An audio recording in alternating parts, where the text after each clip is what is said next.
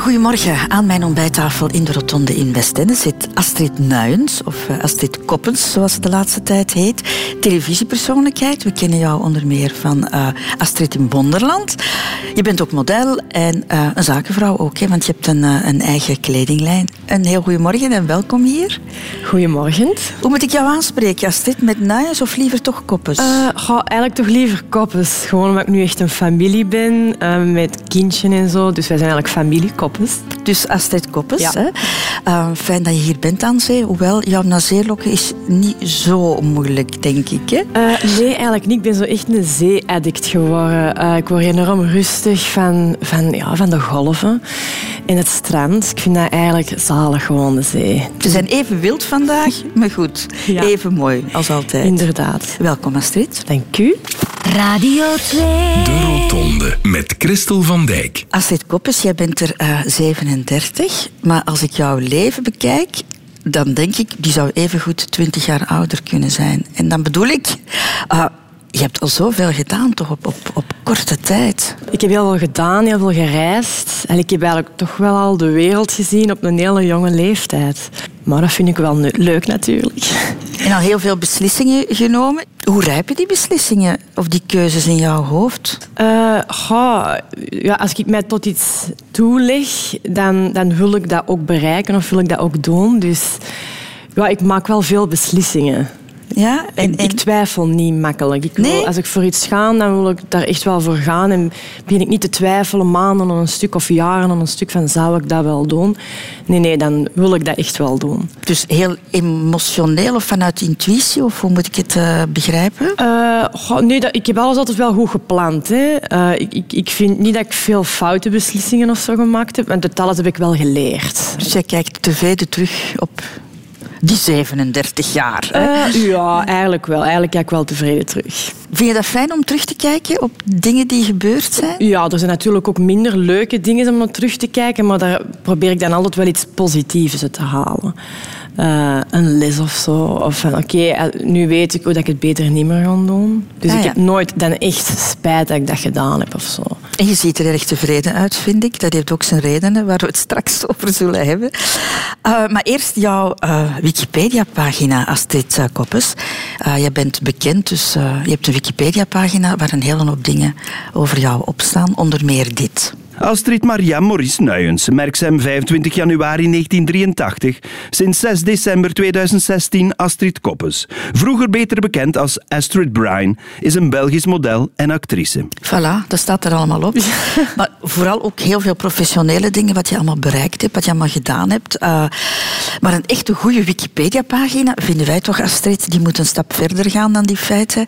En uh, daarin moet ook jouw jeugd een plaats krijgen. En daar heeft Han Koeken voor gezorgd.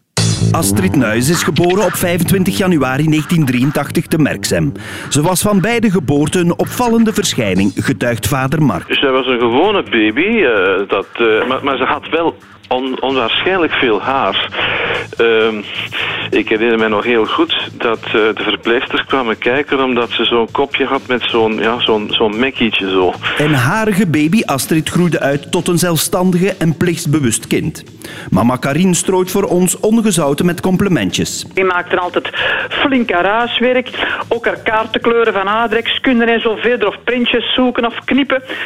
Die deed dat allemaal zelfstandig. En volgens papa Mark was ondernemende Astrid naast het prentjes knippen ook heel bedreven in... Schoenen aantrekken bijvoorbeeld en veters vastmaken.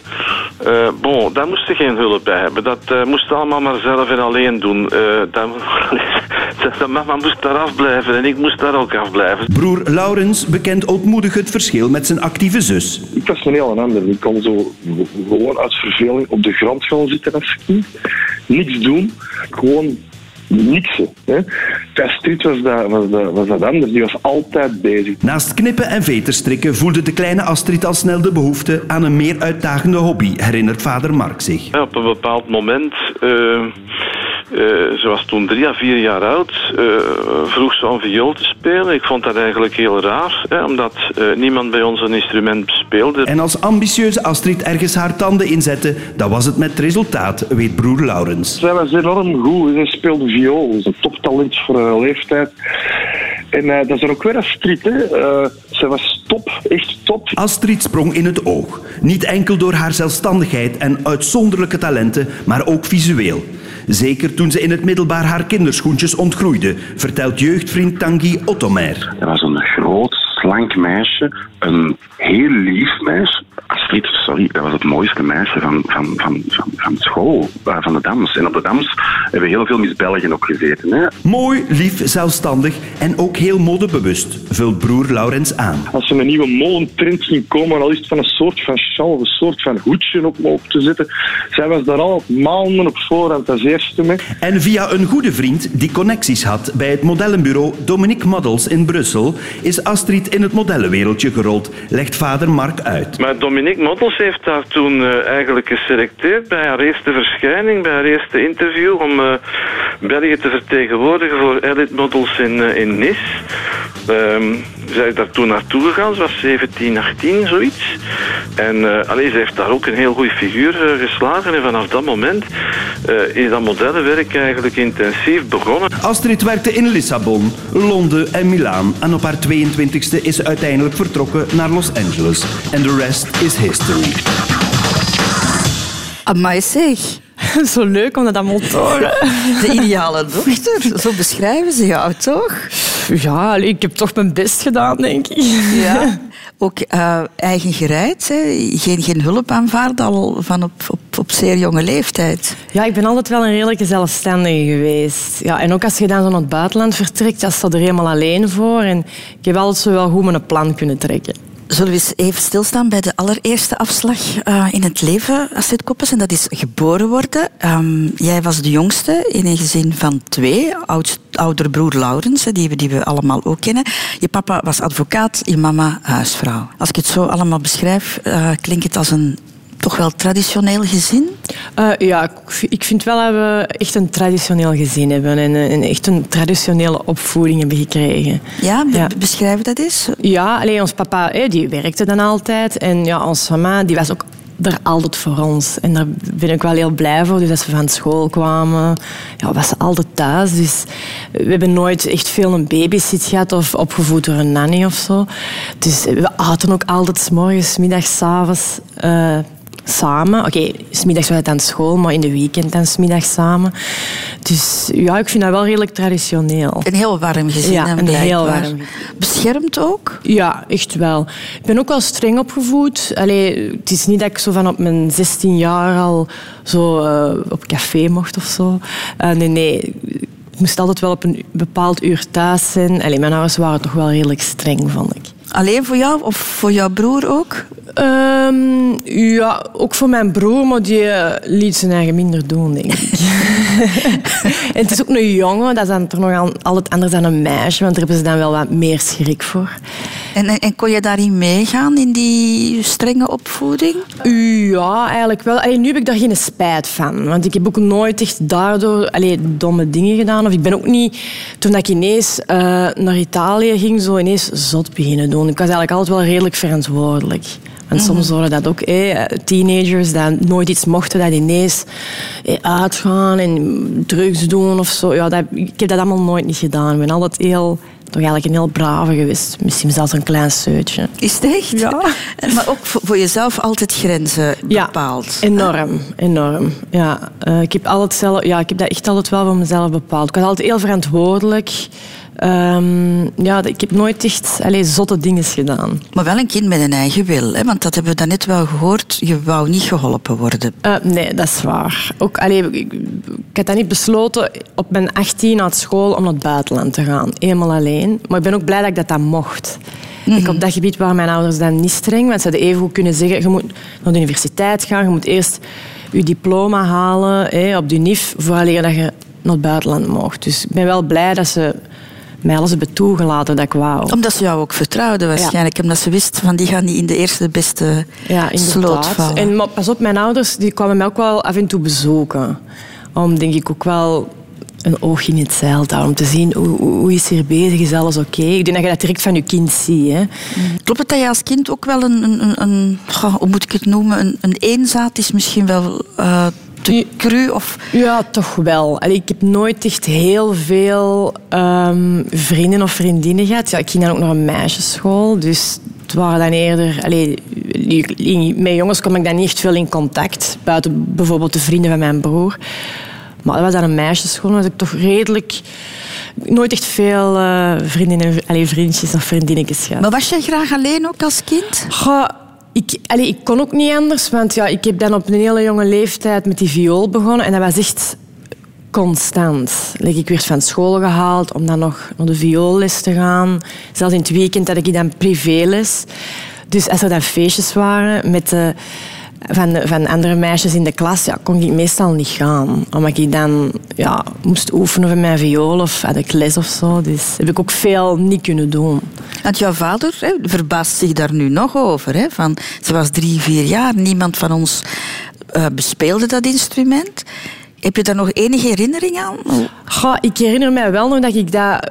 Mijn ouders zitten veel klassieke muziek op. En dat ik dat op de tv had gezien, zo een violiste. En ik vond dat zoiets ongelooflijk. En, en mijn broer had zo'n klein gitaartje, zo'n speelgoedgitaartje. En dan pakte ik zo'n houten lepel en begon ik zo die gitaar zo te houden, gelijk een viool. En zo mhm. ja, de, de bewegingen te doen van viool te spelen. En had ik gevraagd van, oh, ik zou dat graag willen doen. En toen hebben mijn ouders zo eens, ja, mij naar een muziekschool gedaan. Of al denk ik met een leerkracht eh, in contact gekomen om mij lessen te geven, om te zien wat mij dat wel lag. Ja, ja maar ik bedoel, je, je kan daaraan beginnen. Maar bij jou was dat bijna uh, obsessief, bij wijze van spreken. Elke dag uh, les, in, in het weekend uh, ook nog les. Ja, dat was wel... Ja, maar ik dat dan ook heel goed wou doen. Want viool vind ik wel echt... Allee, dat is eigenlijk wel een van de moeilijkste instrumenten. Dat is zo heel precies. En je moet echt veel oefenen. En ja, dat was ook wel op een hoog niveau. Dus ja, kreeg ik veel studies om dan ook nog thuis te doen. Om dan tegen de volgende les dat dan te moeten kunnen voorspelen. Perfectionistisch dan toch een beetje? Ja, toch wel. Ja, toch een beetje want je hebt ook meegedaan aan wedstrijden en zo, hè? Ja, ja en... vioolwedstrijden. En... Toptalent, zei jouw broer? Ja, um, voor mijn leeftijd was dat wel... Allee, zeggen ze mij dat ik wel heel goed was. Maar als kind weten dat, allee, weten dat eigenlijk allemaal niet. Ik vond dat wel leuk, die viool. Dat was ja, iets totaal anders. De meeste kinderen gaan sporten of racen of doen scouts en zo. Ja, ik kon dat allemaal niet doen. Uh, gaan skiën, maar ik dan ook mijn pols niet mocht breken. Of ik moest altijd wel wat oppassen. Maar dat je dat er allemaal voor over had, zeg. Ja, allee, ik denk dat ik misschien ook niet beter wist. Allee, dat is hetgeen dat ik dan deed. Ik had ook niet, niet echt veel tijd om andere dingen te doen. Dus ik moest mij wel veel ontzeggen, maar ik vond dat eigenlijk niet erg of zo. En het alleen zijn daardoor heeft jou ook niet gestoord? Daardoor ben ik ook heel goed veel alleen kunnen zijn. Doordat ik veel ben beginnen reizen daarna. Als model waren dat echt altijd alleen. En je moet dat wel kunnen alleen zijn. En ik kan dat wel. Ja, allee, ik verveel mij ook nooit. En toch besluit je op je veertiende te stoppen? Ja, ik wou zo soms bekende stukken spelen. En ja, mijn leraar die had dat liever niet. Dus dan moest ik dat op mijn eigen doen. Er nog eens bijnemen met al die andere studies. En eigenlijk dat, dan was het niet meer leuk. Om zo van die heel moeilijke studies uh, te spelen, dat is ook niet zo leuk om naar te luisteren. En ik wou zo de bekende concerten spelen. In de con Allee, dat, dat, dat wou ik wel ah, ja. altijd graag doen. Dus nu besef ik dat ik eigenlijk gewoon beter... Ja, misschien naar een andere leraar had gegaan of zo. Een tikje eigen gereid dan toch ook? Ja, ja, een beetje. De Rotonde. Radio 2. Radio 2. Wat waren de verwachtingen op studiegebied als?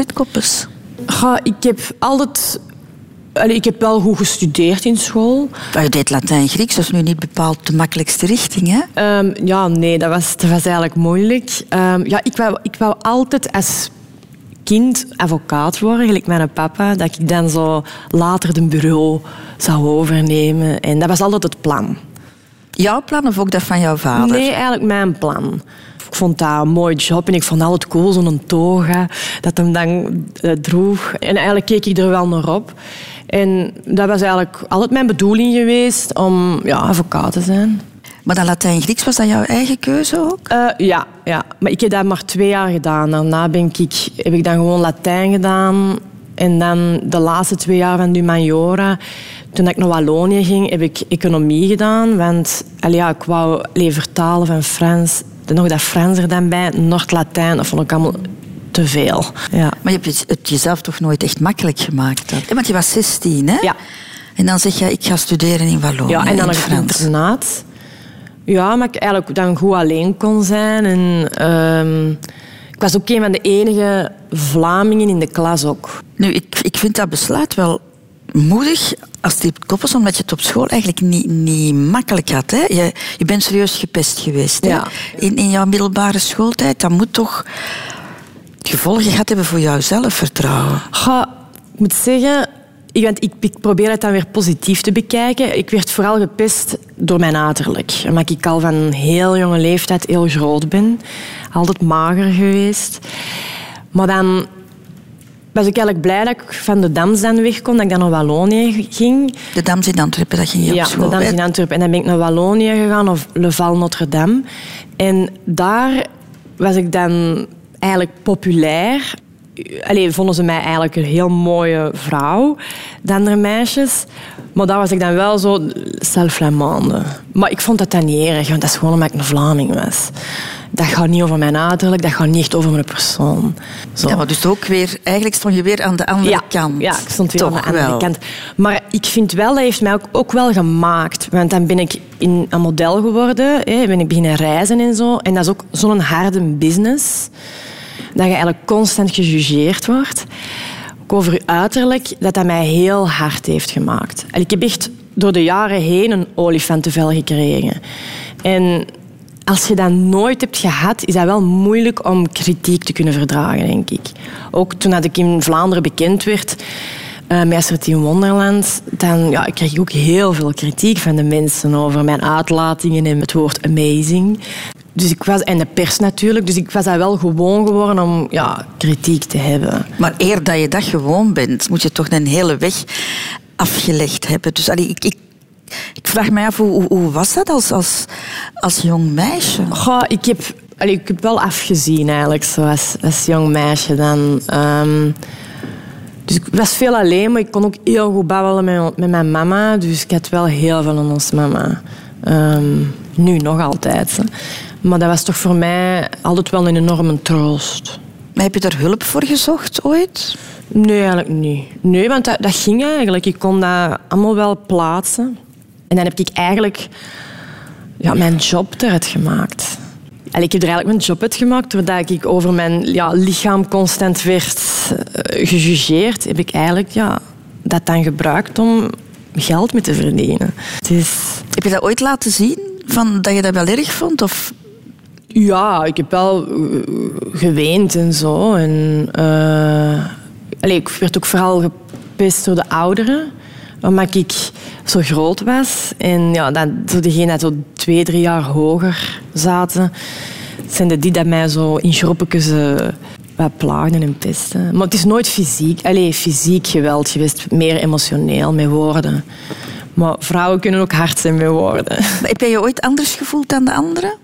Nee, eigenlijk niet echt. Allee, je voelt je soms wel een buitenbeentje, omdat dat, omdat dat, al, omdat dat zoveel gebeurt en ja, dat je altijd zo bekeken wordt ook, voelde ik mij soms wel wat anders. Ja.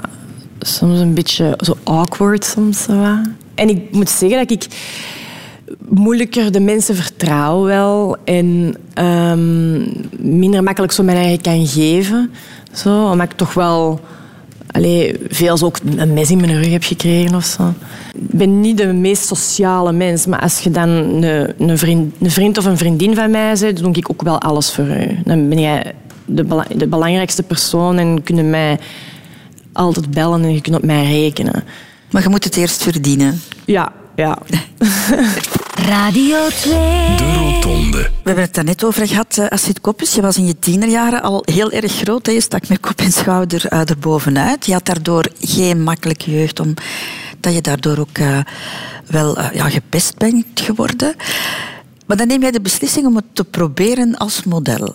Vind ik dan ook weer toch wel een, een, een stap dat ik denk van, amai, dan moet je toch wel wat, moet je toch wel sterk voor in je schoenen staan. Ga, ja, um, ja die, die, die, beslissing is eigenlijk gekomen. Ik was dan naar Dominique Models gegaan en zeiden, ja, ik moest dan België vertegenwoordigen in die een uh, elite modellook. En dan werden er zo ineens in gesmeten. En ik vond dat gewoon interessant, omdat ik heel de wereld kon zien. Shoots in allemaal verschillende plaatsen in de wereld, in locaties en zo. En ik dacht van, eigenlijk wil ik dat wel doen. Zo na mijn humaniora wou ik zo een sabbatjaar nemen om te reizen. Want ik dacht, ik was nog altijd van plan om te studeren daarna. Um, nog altijd rechten te gaan doen. Maar dan uiteindelijk ja, begon ik echt goed geld te verdienen. En, en vond ik dat eigenlijk heel interessant en leuk, dat leven. En de plaatsen waar ik kwam, um, dacht ik van ja, die mensenkennis en, en wat ik hier allemaal kan opdoen. Ja, als ik nu terug ga studeren, kan ik dat pas binnen vijf, zes jaar misschien terugdoen. Ja, dan ben ik ook al te oud dan als model. En misschien mag ik er dan nooit meer van komen.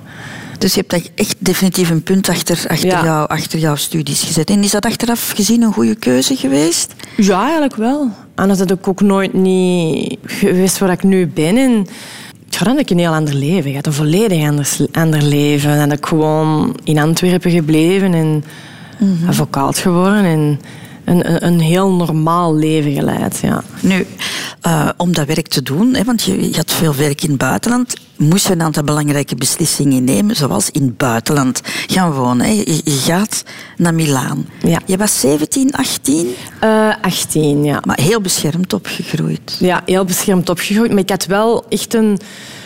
Ja, ik was heel verantwoordelijk. Zo. Ehm, want allee, ik heb ook heel veel mis zien gaan met collega-modellen. Dat wel alle feestjes deden en, en zo. En ja, ik deed dat eigenlijk allemaal niet. Maar ik altijd nog wat schrik had, omdat ik nog zo jong was. Ik dacht van, oh, hoe ga ik thuis geraken? En ik vind het allemaal een beetje gevaarlijk. En ook, ik had dan fotoshoots, moest mijn calltime was aan vijf uur s morgens. Ik dacht, ik moet ik wel kunnen slapen, ik moet er goed zien. Want als ik van de avond uitga, dan ga ik wallen hebben of dan ga ik heel bleek zien. Eh, Nee, nee, ik heb altijd alles zo heel professioneel gedaan. Ehm, altijd overal op tijd aangekomen. Eh, ja, ik vond dat wel belangrijk, want ik had gewoon schrik van dat zou mislopen als ik mij zou laten gaan of zo. Ja, Ik ben altijd heel, heel braaf geweest. Ja, en een beetje leven met de rem op, ook, heb ik de indruk. Ja, enorm. Ja, ik heb altijd heel voorzichtig geweest. Heb je En- dat nog altijd? Ja, eigenlijk wel. Ik denk altijd, als ik voorleer dat ik een beslissing maak, ik kan heel makkelijk beslissingen nemen. Maar denk ik altijd drie stappen verder. Van oké, als ik dit doe, dan gaat dat zijn of dat, of dat is mogelijk dat we dat en dat en dat negatief er zou uitkomen, ofwel positief. Dus ik, neem, al, ik neem wel altijd ja, beslissingen dat ik denk dat wel goed zijn. Nu, ehm 18 was je. De meeste jongeren die gaan op die leeftijd toch tamelijk onbezorgd door het leven. Hè. School, hun leven van weekend naar weekend uitgaan, feestjes. Allee, ja, een, een, een, een leven met relatief weinig zorgen, normaal gezien. Maar dat heb jij allemaal gemist. Ja, dus ik heb geen studentenleven gehad. Like, soms moet ik wel zeggen dat ik er zo wat... Als ik dan zo op Facebook of zo dan filmpjes zag van ja, vriendinnen of, of mensen van op school vroeger... Of zelfs mijn broer dat dan wel gestudeerd heeft, zo dat studentenleven, heb ik allemaal gemist. Like, soms vond ik dat wel spijtig, maar langs de andere kant dacht ik, dacht ik van oké, nu zit ik hier in Buenos Aires op een shoot. Hoe ongelooflijk is dat? Zo'n prachtige locatie. En dan dacht ik van, ja, ik ben ook wel goed bezig. Want ik was ook vanaf mijn 18 financieel onafhankelijk van mijn ouders. Dus dat ik nooit allee, zakgeld nog gevraagd heb. Want ik wou dat ook allemaal naar mijn ouders aan toe bewijzen van oké, ik je hebt mij de kans gegeven dat ik naar het buitenland eh, kon vertrekken, dan wil ik dat ook allemaal zelf kunnen doen. Ik mijn eigen appartement huren, ehm, ja, het allemaal zelf doen. Dat heb je toch ook wel een beetje in jou, hè? Jezelf willen bewijzen constant. Ja, misschien wel. Dat is een compliment, hè? U, u, al ja, ik, ja, ik vond dat wel belangrijk. Zo, dat je, als ik het dan deed, dat ik het dan goed zou doen. Ik moest dat nu niet gemarcheerd hebben als model. Dat ik, dacht ik altijd van, oh, dan kan ik gewoon terug naar België gaan. Maar je hebt dus niet het gevoel van, ik, ik heb een deel van mijn jeugd gemist. Oh, ik weet niet beter. Dus, dat is ook wel zo, dus ik, weet niet hoe dat was om, om, om, om, een studentenleven te hebben. Allee, ik kan nooit niet meepraten met vrienden van nu. Als ik Bram hoor van in zijn, mijn, mijn echtgenoot, dat ik, of, of zelfs Laurens, van oh, en toen en die avond en die avond. Dat is, dat is over feesten dat ze babbelen. Ja, dat heb ik niet gehad. Maar Allee, bij mij was het dan ineens een grown-up wereld. Hè. Ik ben ook nog feestig geweest, maar dat was dan ineens uh, met allemaal bekende mensen in de modewereld. Dat was een hele volwassen wereld. Was ik gewoon een, een piepjong meisje erin. En je kon goed om met die druk, hè? want het is toch een, een, een harde wereld. Hè? Ja, ik kon er wel mee om. Vandaar, allee, ik ben uit mijn jeugd er heel sterk uitgekomen. Maar ik dan, ja, ben gepest geweest en je, je wordt gewoon heel hard. En in die modewereld is een hele harde wereld. Maar ja, ik was dat wel gewoon. Nu, je hebt ook heel veel gedaan. Je hebt shows gelopen voor Armani, voor Gucci. Op de cover gestaan van een aantal tijdschriften, onder meer hè, bij, van voor L. Hè. Heb je nu het gevoel dat je alles uit die carrière gehaald hebt? Um, ik had nog wel, nog wel langer model kunnen zijn, maar ik was dan getrouwd. En mijn ex die had liever dat ik ermee stopte, maar ik veel reisde. En als model moet je veel reizen. Je moet ook constant je portfolio updaten. Je kunt niet zo zeggen, ah, ik kan twee jaar stoppen of een jaar stoppen. Nee, nee, je moet nog altijd de covers van die boekjes hebben en ja, die modeshows doen of zo'n catalogus. Je moet dat echt up-to-date houden. Want oude foto's, daar is een klant niks mee. Dus die, en de castings die willen zien, oké, wat heeft zij de laatste drie, vier maanden gedaan? Ah, ja. Dus je moet constant blijven performen. Als je dat op een hoog niveau wilt doen, als je dat goed wilt doen. Mhm. Dus ik ben ik eigenlijk gestopt op mijn... eh, 23, 24 met modellenwerk. Ik heb nog wel zo wat shootjes blijven doen, zo, maar echt fulltime naar modellenwerk ben ik zo op mijn 24 ongeveer gestopt. En dat was misschien te vroeg, als je erover terugdenkt. Ja, ik had dat wel nog langer kunnen doen. Ja. Maar ik had toen gekozen voor mijn huwelijk. Dus, eh, Maar daar heb ik dan ook eigenlijk niet spijt van. eh. Ik ben heel content met, met hetgeen dat ik bereikt heb. En ik heb er ook goed, alleen, een goed inkomen gehad, sowieso. Goede Daardoor. kost verdiend. Ja. Astrid Koppes, eh, je was model. Je hebt in heel Europa eh, sh- eh, shoots gedaan en modeshows gelopen. Maar toch op een bepaald moment besluit je dan om Europa te verlaten. En het, om het nog een beetje groter te gaan zien, hè, als het ware. Je bent naar Amerika, naar L.A. getrokken. Waarom die stap? Het was eigenlijk eerst New York. Eerst ben ik naar New York gegaan, heb ik daar eh, een klein jaartje gezeten. En dan ben ik naar ehm, LA vertrokken, ook voor het werk. Ik wou LA ontdekken. Ehm, ik had er al zoveel over gehoord. En ja, dan, dan ben ik daar beginnen werken ook als model. En toen had ik ineens van, oké, hier wil ik blijven wonen. Ik vond LA prachtig, gewoon de natuur, de manier van werken, van de mensen. Had toch wel echt een enorme touch van glamour. Nu, L.A. is een, een, een stad waar heel veel dromen beginnen, Astrid, maar er ook heel veel sneuvelen. Hè? Ja. Waarom dacht jij, ik kan het hier wel maken? Ik, ik, vond, ik had zo ineens een, een, een liefdesverhouding met L.A. Ik voelde mij daar gewoon direct thuis. Dat was heel raar. Ehm, ik had dat ook in Milaan. Dat, moest ik nu niet in L.A. gebleven zijn, dan had ik toch wel lang in Milaan gezeten. Maar L.A. voor mij, dat weer en de lifestyle, vond ik fantastisch. Ik vond dat ook heel spannend. En het financiële aspect, heeft dat ook meegespeeld? Ehm, ja, allee, ik verdiende daar wel echt goed met een boterham. Dat, die budgetten waren allemaal veel groter, maar het leven was er ook heel duur. Dus eh, dat compenseert dan wel. Maar je hebt goed verdiend in Ja. de loop van jouw carrière. Ja, sowieso. Daar ben je tevreden Ja, ik ben heel tevreden. Wij hebben jou niet leren kennen als model eigenlijk, of, toch niet concreet. We hebben jou leren kennen met, door Vlaamse Hollywoodvrouwen. Als vrouw van. Was je een van de vrouwen die geportretteerd werd. Waarom heb je daar in de tijd ja op gezegd? Ehm, ze hadden mij eigenlijk, dat was via de ambassade gegaan. Dat, ze zochten zo vier vrouwen dat in eh, Los Angeles, Belgische vrouwen, Vlaamse vrouwen die in Los Angeles woonden.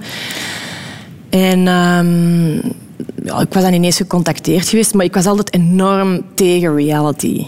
Vooral omdat dat in Amerika ook een heel slechte connotatie heeft eigenlijk. En ik wou er eigenlijk totaal niet om meedoen. Maar ehm, dan heeft eigenlijk mijn ex-man mij wel zo wel overtuigd van ja, je moet dat doen en zo. En ik dacht, ah, ik woon toch niet meer in België. Ik vind dat nu wel eens plezant om te doen. En ik was maar een personage erin. Dat waren niet zoveel draaidagen. Ik kon daar geen last van hebben. Dacht ik, ja, ik woon hier. België is eigenlijk mijn thuis niet meer. Maar ik had nooit niet verwacht dat dat zo ging ontploffen. Ik weet nog heel goed de eerste keer dat ik naar België kwam toen dat die show op de tv is geweest. Iedereen kende mij, ik vond dat zot. Ik verschoot keihard.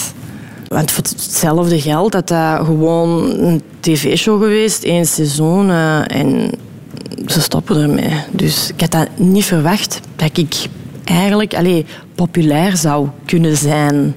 Omdat ik zelfs als model in Vlaanderen nooit echt veel gewerkt heb. Ik zat helemaal niet in die market. En ik ben altijd naar het buitenland moeten gaan om ehm, mijn inkomen te maken en nooit in België. Dus ik had dat nooit niet verwacht dat dat populair ging zijn. Maar wist je dat je een deel van jouw privéleven ging moeten prijsgeven? Ja, omdat het een reality show was. Maar omdat dat toen nog met andere vrouwen was, vond ik dat allemaal nog heel goed meeviel. Dat was maar een, een klein beetje van mijn privé eigenlijk.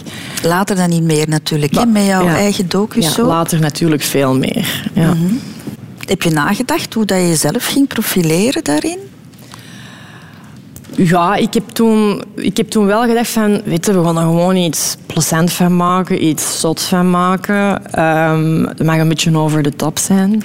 Terwijl ik eigenlijk, want daar kwam ik niet timide in over. Niks? Heel Absoluut niet. ehm, flamboyant eigenlijk.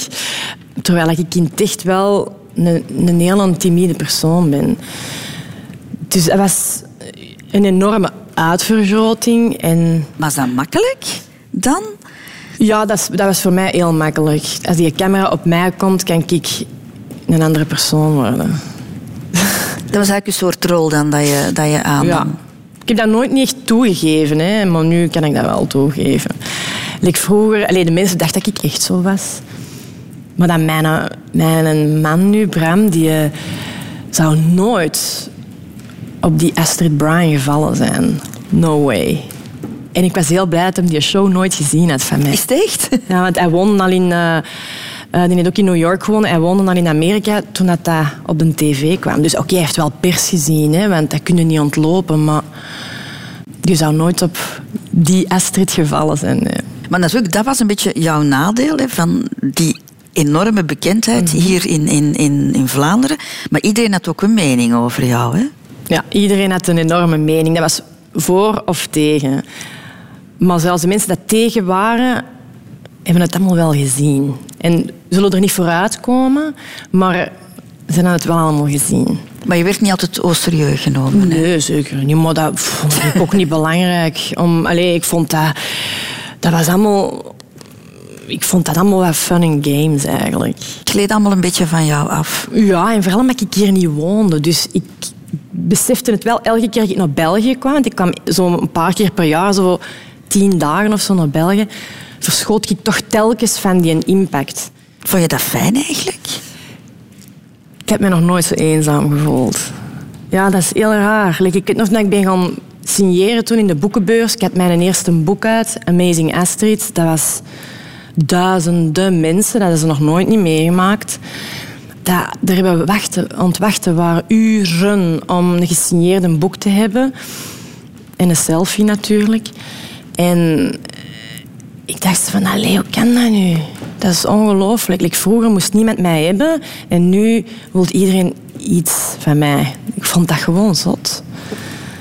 Ik begrijp dat soms nog altijd niet. En dan kom ik wel thuis, zo s'avonds, en dan voelde ik mij, ondanks dat er duizenden mensen stonden te wachten voor mij, voelde ik mij altijd heel eenzaam. Ja, dat is een heel raar gevoel. De hype is nu ondertussen wat gaan liggen. Ben je er blij om? Eigenlijk wel. Dat is nu wel bewust gekozen. Ik heb dan Astrid in Wonderland gehad, vijf seizoenen nog. En dan nog Astrid, enkel dan. Eén seizoen. En ik vond het ook genoeg. Dat is altijd een succes geweest. Altijd heel mooie kijkcijfers. Maar nu ben ik volwassener geworden. En ik heb nu een kindje. En ehm, vond ik dat wel tijd om goodbye te zeggen tegen een reality show over mijn leven. Wel, kijk je nu terug op het meisje of, de- of, of op de vrouw die je toen was? Ik vind eigenlijk zot dat, het dat ik mijn eigen zo heb uitgevonden eigenlijk. Een volledig andere persoon. Zo. Ik heb daar zeker geen spijt van. Ik vond het allemaal heel leuk. Ik heb me eigenlijk keihard geamuseerd. Was het ook een beetje een soort van zoete wraak? Goh, eigenlijk niet. Ehm, ik, ik, ik, ik ben niet zo'n iemand dat wraak neemt. Radio 2. Wat voor beeld van relaties heb jij van thuis uit meegekregen? Ja, ik kom met een heel warm gezin. En mijn ouders die zien elkaar nog altijd super graag. Dus ik kan eigenlijk geen beter voorbeeld hebben dan wat mijn ouders mij gegeven hebben. En is dat het soort relatie waar jij ook altijd naar gestreefd hebt? Ja, eigenlijk wel. Ehm, maar ik ben ondertussen ook gescheiden. Eh, en nu heb ik een nieuwe man. Maar ik, ik ben niet heel gelukkig geweest in mijn vorige relatie. Maar ik was ook zo van, oké, ik ben getrouwd, dan moet ik er ook voor gaan. Dus ik heb heel veel moeten opofferen. Maar op een gegeven moment wordt dat te veel. En dan ben ik toch wel blij dat ik de beslissing heb genomen om dan te scheiden. Ehm, maar dan de relatie die ik nu heb met mijn man, ja, dat is echt de liefde. En ik kende dat ervoor niet. Want ik had ook vroeger nooit in mijn vorige relatie een kinderwens. Maar na, ja, na, na, na drie, vier maanden dat ik dan met Bram was, wou ik echt mama worden. Had ik echt een kinderwens. Dus ik denk dat dat wel veel wil zeggen. Maar als we nog eens even teruggaan naar, naar, naar jouw jeugdjaren, hè, wat, wat, wat voor dromen had jij op, op dat gebied? Goh, gewoon like wat mijn ouders eh, waren. Eh, gewoon een, een, een- de perfecte man vinden en een kindje. En eh, ja, een, heel hechte familie. Dat waar ik altijd wou. Een heel traditionele. een heel ja. traditionele. Ja, ik ben eigenlijk wel nog een redelijk traditionele mens. Heb je die mening niet een beetje moeten bijstellen toen je als model werkte bijvoorbeeld? Want ik kan me voorstellen dat er daar op andere manieren met, met liefde en, en, en seksualiteit om, omgegaan wordt. Ehm, ik had altijd een vaste vriend eigenlijk. Eh, dus ik heb nooit niet echt alleen een vlierenfluiter of zo geweest. Maar ik had ook wel door dat ik daar niet echt de man van mijn leven ging te- tegenkomen in dat wereldje. Sowieso niet. Je had het daarnet al over dat je in vriendschap ook een beetje wantrouwig bent en eh, dat iemand jou moet verdienen. Is dat in relaties ook zo? Ehm, ja, eigenlijk wel. Voordat je aan iemand geeft bijvoorbeeld? Ja, ik ben zo niet eh, iemand van oh, een one-night stand. Eh, zo al mij direct geven aan een man, dat, dat, dat heb ik nooit niet gedaan. We hebben het al even over jouw ex gehad, want zo noem je hem altijd. Hè? Je noemt hem nooit meer bij naam. Hè? Nee, ik kan dat niet meer over mijn lippen krijgen. Nee, dat, dan, dan krijg ik kippenvel en mijn haar recht over heel mijn lijf. Ja. Dus de ex. Ja, Gaan de ex. Ja, ja. Het enige wat ik mij wel afvraag, ehm, Astrid, is... Jij bent op alle gebied vrij voorzichtig, Mhm. toch? Ja. Hè? En toch beslis jij om met die man te trouwen, terwijl je hem nog maar zes maanden kent. Ja. En dat vind ik zo gek, dat impulsieve dan. Ja, dat eigenlijk wel, ook wel, maar die kon zo enorm goed ma- manipuleren. En zo, dus ja, die heeft mij heel overtuigd, ik zal het zo zeggen. Ik geloofde dat en dan heb ik ook mijn vertrouwen. Eh, ik vertrouwde hem. eh, ja, maar ik was ook nog zo jong toen. 22 Ja. nog maar, hè? Ja. Heeft niemand jou proberen tegen te houden? Nee, eigenlijk ja, ik zat al in Amerika. Dus ja, mijn hele naaste familie, ik had dat allemaal nog niet zo direct verteld thuis. Maar ik denk, moest ik het meer verteld hebben thuis, dat ze toch wel mij proberen te overtuigen om dat niet te doen. Je bent er lang in blijven hangen, hè, in, in die relatie. Ja. Je hebt het daarnet gezegd, misschien wel wat te lang. Ja, wat te lang. Ja, eh. ja ook... ook Ja, dat kwam ook omdat mijn leven zo open en bloot was op tv en zo. Dat ik dat ook niet sneller heb kunnen stoppen, eigenlijk. Die relatie. Ah, had het ook met rationele elementen te maken? Ook een beetje toch, want allee, we waren dan aan het filmen en zo. En ja, zo'n een, een scheiding, dat is allemaal niet zo makkelijk. Dus eh, ja, dat- ik had dat gewoon nog vroeger moeten stoppen, maar ik had de moed er gewoon niet voor. Nee? Nee, nee. Omdat dat in Amerika allemaal zo evident niet is.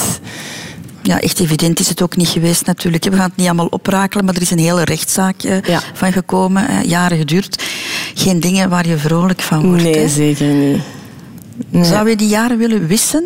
Eigenlijk wel, die wel. Want ik heb echt heel zwaar afgezien. Dat was echt verschrikkelijk gewoon. Wat ik daar heb meegemaakt, dat, ja, dat, dat maakt alleen een normale mens niet mee. En dan was ik soms zo aan het terugdenken, ah, misschien wil ik dan toch beter gewoon universiteit in België gedaan en een normaal leven gehad. Maar uiteindelijk ben ik er ook weer zo sterk uit gekomen en ben ik blij dat ik nooit niet heb opgegeven, dat ik ben blijven vechten. Wat heb je ervan geleerd, Astrid? Om betere contracten te maken en zo. Dat is rationeel. Ja, nee, maar daar moest, moest ik betere contracten gemaakt hebben. En minder vertrouwen hebben. Want ik was gewoon... Ik, ik, ik had heel veel vertrouwen toen in mijn ex. Moest ik nu alles echt... Alleen een goed contract gemaakt hebben, had dit nooit niet kunnen gebeuren. Dus daar heb ik wel goed geleerd om niet blindelings te vertrouwen. Hoe lang heeft het geduurd voor je dat enigszins verwerkt had? Emotioneel dan bedoel ik? Ja, nog niet zo recent. Hè. Maar ik vind dat ik er nu nog altijd soms een beetje van aan het genezen ben. Uh, maar toen ik toch zeven maanden zwanger was, ja, was ik zo gelukkig dat ik dat allemaal aan het blokken ben. Die Mhm. periode. Ja, en ik, zelfs van mijn, mijn, mijn privéleven dan, eh, buiten dan die rechtszaak en zo, met mijn ex herinner ik heel weinig. Dat is heel raar. Ik kan mij niet meer herinneren dat wij ooit in eenzelfde bed hebben geslapen. Dat is, zo, dat is allemaal zo weggewist uit mijn geheugen. Raar, hè? Heel raar is dat. Ja, ik herinner mij er heel weinig van. Is Maar dat is misschien een goed. bescherming van... Ja, ik denk dat. Allee, dat, dat maar ik vind dat goed. Dat is goed.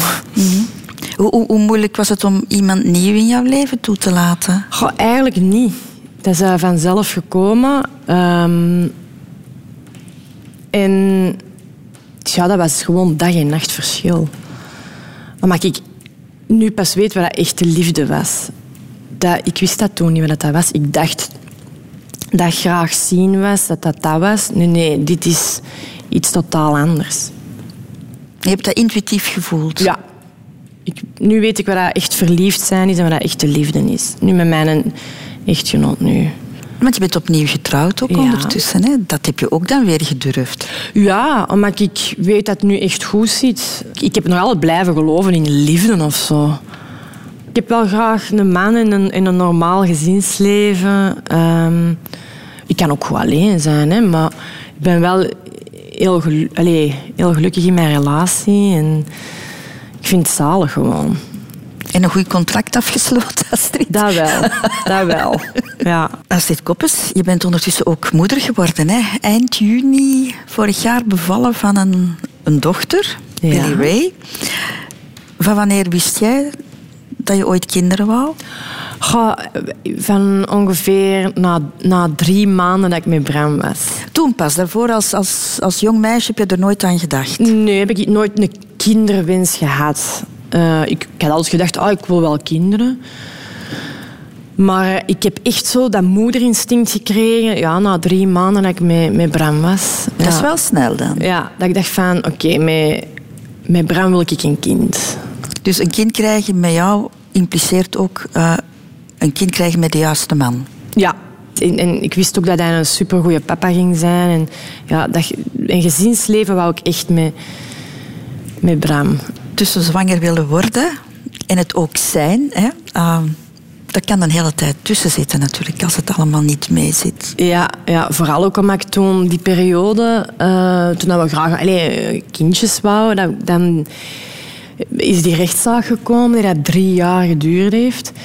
En ja, dat was heel stresserend, ook op je lichaam. Dus het heeft wel een tijdje geduurd dat, ik, um, dat, dat, we in verwachting waren. En ik vond dat ook niet het juiste moment. Dus hebben wij dat ook even on hold gezet. Want ik dacht, in deze stressomgeving wil ik echt geen kind op de wereld zetten. Want dat gaat een trauma hebben uh, tijdens de zwangerschap. Daar was ik van overtuigd. Nu, ik heb ook heel lang moeten wachten op mijn eerste kind, uh, Astrid. Ik weet hoe stresserend dat, dat is ook. En ik vond dat verschrikkelijke jaren.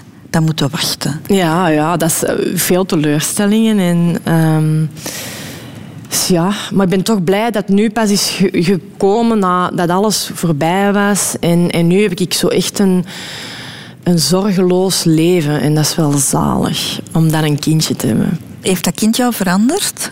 Ja, dat kind heeft mij enorm veranderd ja, ik, ik ben op een gegeven moment vond ik het, allee, omdat ik zoveel, alleen met die rechtszaak zoveel miserie had en zo, dat ik het leven eigenlijk niet meer leuk vond, dat dat echt een strijd was geworden, met al die tegenslagen constant. Maar nu van het moment dat ik dat Billyke in mijn armen heb, is het leven zo schoon geworden. Kan ik er niet genoeg van krijgen. Is het leven echt zo moeilijk geweest voor jou? Ja, het leven is echt moeilijk geweest. Ja, met heel veel tegenslagen, teleurstellingen. Ja. Dat was echt niet, niet plezant. Zo Echt een strijd. Allee, ik had nooit niet verwacht dat ik het geluk nog kon hebben van een kindje te hebben. Dus ik ben heel blij dat ik toch de moed erin gehouden en blijven doorzetten. En sterk blijven. En dat ik nu als kleinetje heb.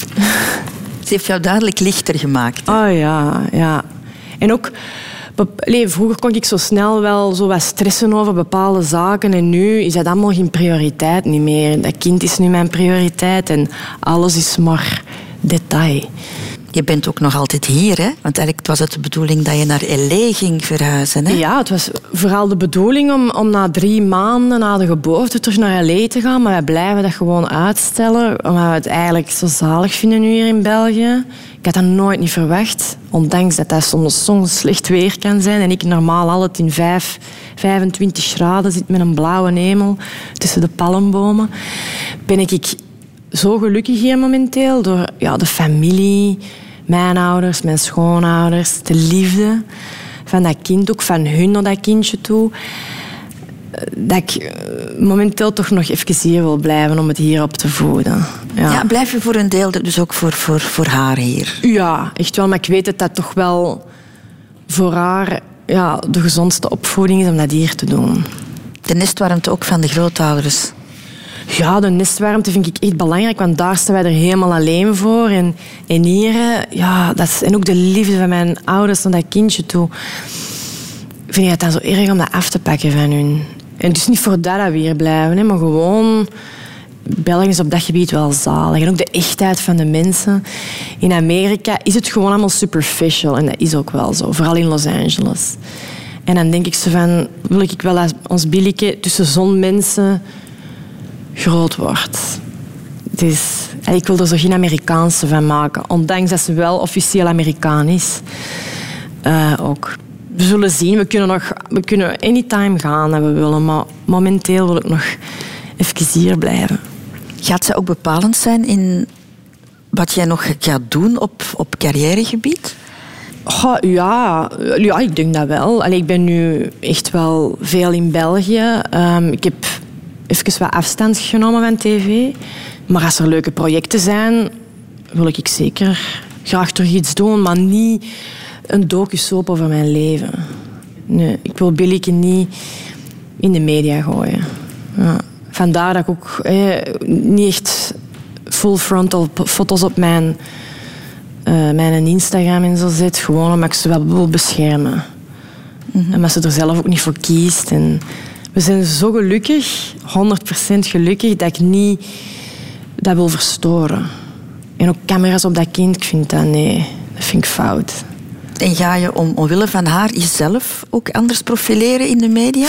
Ga, ja, en ik ben ook anders nu en ik kan dat theatertje niet meer spelen. Dat gaat mij niet meer af. Ik vond het allemaal heel leuk, maar ik kan dat nu niet meer. En, en, en, en soms dat ik dan zo nog eens een programma doen en de host zegt dan hey, amazing. Ik kan, niet meer, ik kan dat niet meer over mijn lippen krijgen. Dat was toen en nu zijn we allemaal wat volwassener geworden. Ja, ik, ik, allee, dat, dat gaat mij gewoon niet meer af. En je zit beter in je vel? Ja, ik, ik ben... Ik, nu, allee, nu ben ik echt wel 100% mezelf. En ja, dat is misschien mijn verantwoordelijkheid dat ik nu heb als mama. Ehm, maar iets met kinderen, dat is wel iets dat ik misschien wel nog graag zou willen doen. Omdat ik nu zo een mama ben geworden en kleintjes. En zot doen met die kleintjes, dat, dat vind ik gewoon zalig. Like een kinderprogramma, dat vind ik me eigenlijk nog wel doen. Dat had ik nooit niet verwacht. nooit niet verwacht. Maar met kindjes, ja, dat maakt mij kei gelukkig. En koppen trekken en onnozel doen met die kindjes, ik vind dat zalig gewoon. Hoe ik met ons Billyke bezig ben altijd, allee, ik vind dat zalig. Beste Astrid Koppes, vooraleer het tien uur is, moet ik jou nog laten doodgaan. Oei. Ja, in het gelukkigste jaar of de gelukkigste jaren van jouw leven. Jammer, hè? Amai, nu zou ik eigenlijk echt niet willen doodgaan. Nee, nu hoeft het nog niet, maar ooit zal het komen. Ben je daar op je 37ste al mee bezig? Nee, eigenlijk niet. Eigenlijk niet. Ik heb eigenlijk nooit zo schrik gehad van de dood. Ik wil gewoon niet lijden. Maar momenteel wil ik eigenlijk nog heel graag lang leven. wil ik er eigenlijk niet over nadenken om dood te gaan. Maar het schrik jou niet af. Nee, maar ik weet dat iedereen wel komt te sterven. Wat denk je dat er daarna gaat komen? Dan denk je dat het gedaan is. Ja? Ja, ik geloof niet echt eh, in, in, in, in herboren te worden, in, in, in een dier of in een andere mens. Ik denk dat na de dood gedaan is. Ja, want je bent katholiek opgevoed, toch? Ja. Hè? Ja, ja ik, ik denk niet dat ik geloof eh, dat ik een engeltje... dat ik zo in de hemel ga rondfladderen of, of een duiveltje, dat kan ook. Ik weet niet waar, dat, waar, dat ik, waar dat ik thuis hoor. Maar ehm, nee, ik denk dat het wel echt gedaan is. En... Dus van dat katholieke geloof schiet eigenlijk niks meer nee, over. eigenlijk niet. Nee. Is Billy Ray gedoopt bijvoorbeeld? Nee, nee. We hebben, allee, we hebben er eigenlijk nog niet bij stilgestaan. Nee, eigenlijk niet. Nee. Maar nu de kerk en alles wat er gebeurt, ben ik zo wat... Geloof ik, ben ik eigenlijk, geloof ik in niks niet meer. Kan ik zeggen dat je ooit eens heel dicht bij de dood gestaan hebt zelf? Uh, ja, toen ik 16 was, heb ik een hersenvliesontsteking gehad. Toen ben ik, heb ik in coma gelegen voor drie dagen. Dan is het wel bijna gedaan geweest met mij. Maar dat besefte ik toen niet. Ik heb dat pas daarna beseft toen ze het mij vertelden. Wat herinner je je daar dan wel nog van? Oh, dat ik echt heb moeten vechten om, om, om te genezen. Ik heb toen een maand in het ziekenhuis gelegen en toen heb ik echt moeten vechten. Vertel eens, hoe, hoe, hoe vechten? Ja, voor het leven, omdat ik toen echt heel, heel ziek was. Als, ik, als ze bijvoorbeeld een halve dag later hadden geweest, dan had ik er misschien wel niet meer geweest. Dus ik heb eigenlijk nog heel veel geluk gehad. Het is best wel raar dat je zo weet dat het eigenlijk gedaan had kunnen zijn. Heb je dat toen beseft? Ja, toen wel. Ja. Maar het is niet dat ik dan daarna zo... Want, ik, want je hebt dan zo mensen die bijvoorbeeld ook heel ziek zijn geweest of een accident hebben gehad, dat dan daarna heel zot beginnen leven. En ik moet die reis nog maken en dat nog doen en dat, gewoon feesten. En, dat heb ik eigenlijk niet gehad. En maar ik daarna ook zo hard moest um, revalideren ook, dat ik gewoon blij was dat ik, dat ik er doorkwam. Je is ook nog jong natuurlijk. Misschien dat je Ja. daar ook niet zo diep over nadacht. Maar ehm, revalideren, wat, wat, wat moest er dan allemaal gebeuren met jou? Eh, ja, ik moest terug leren stappen en zo. Ehm, mijn immuunsysteem was ook echt kapot. Dus heb ik echt drie maanden toch zo neusdouches moeten doen. En ehm, ehm, ook terug heel veel allee, bij moeten komen. En, Dat is erg afgevallen. ja, ik was enorm afgevallen. Omdat ik een maand geen vast eten heb kunnen eten. Ik moest terug leren naar het toilet gaan. Allee, zo'n dingen allemaal. Dus dan heb ik wel beseft van... Als je gezond bent, ben je de rijkste mens ter wereld. Dat is gewoon zo. Gezondheid, dat heb ik wel beseft, is toch wel het belangrijkste dat er is in het leven. Nu, ehm, je zal ook moeten leren afscheid nemen in het leven. Ja. Tot hiertoe ben je daar wel van gespaard gebleven, denk ik. Hè? Goh, eigenlijk wel. Ik, zou mij niet kunnen inbeelden, moest ik allee, afscheid moeten nemen van Bram of Billy Ray of mijn ouders. Dat zou ik, eh, daar zou ik het toch heel moeilijk mee hebben. Zo. Ik kan me dat niet inbeelden en ik wil er ook niet over nadenken. Want dat zou ik verschrikkelijk vinden. Afscheid nemen. Ja. Ja. Mag ik die is wel zo graag zien. Ja, echt. Dat zijn de belangrijkste mensen in mijn leven en dat zou ik echt... Ja, dat zou ik niet kunnen. Ja. We gaan ze niet laten doodgaan. Nee, dus. nee, nee, nee. We gaan erover stoppen. Zo. Afslag toekomst, wat staat daar nog eh, op jou te wachten?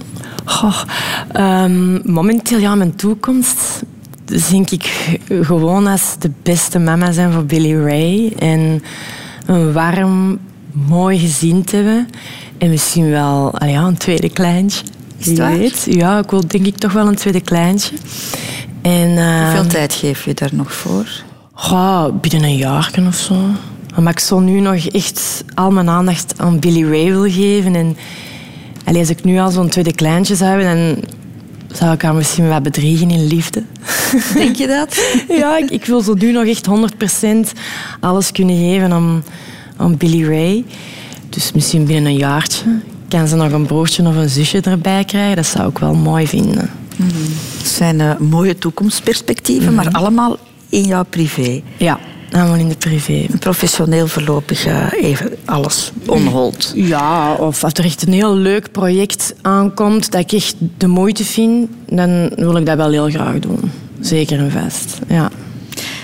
Astrid Koppel, ik vond het heel fijn om eh, met jou te ontbijten. Ehm, ik heb een heel andere Astrid leren kennen dan die ik jaren geleden ooit eens geïnterviewd heb eh, in volle uh, docusoap mysterie, bij wijze van spreken. Je praat ook helemaal anders. Ik bedoel, jouw timbre Jouw, jouw stem is ook wat veranderd, heb ik de indruk. Ja, ik denk ik rustiger geworden. Ja, ja. Dat, is, uh, dat is echt te merken. Dank je wel um, voor je vertrouwen. Mm -hmm. uh, en dan is er nog mijn gastenboek, Astrid. Oké. Okay. Beste Christel, eerst en vooral bedankt voor de leuke invitatie. Je deed me direct thuis voelen tijdens een super lekkere en warme diner en sfeer. En de sfeer in de rotonde is heel speciaal. Het is origineel en in een prachtig kader. En ja, het overlopen van mijn levenspad heeft me eigenlijk echt veel deugd gedaan, waar ik u enorm voor wil bedanken. Dank u. Astrid Koppes.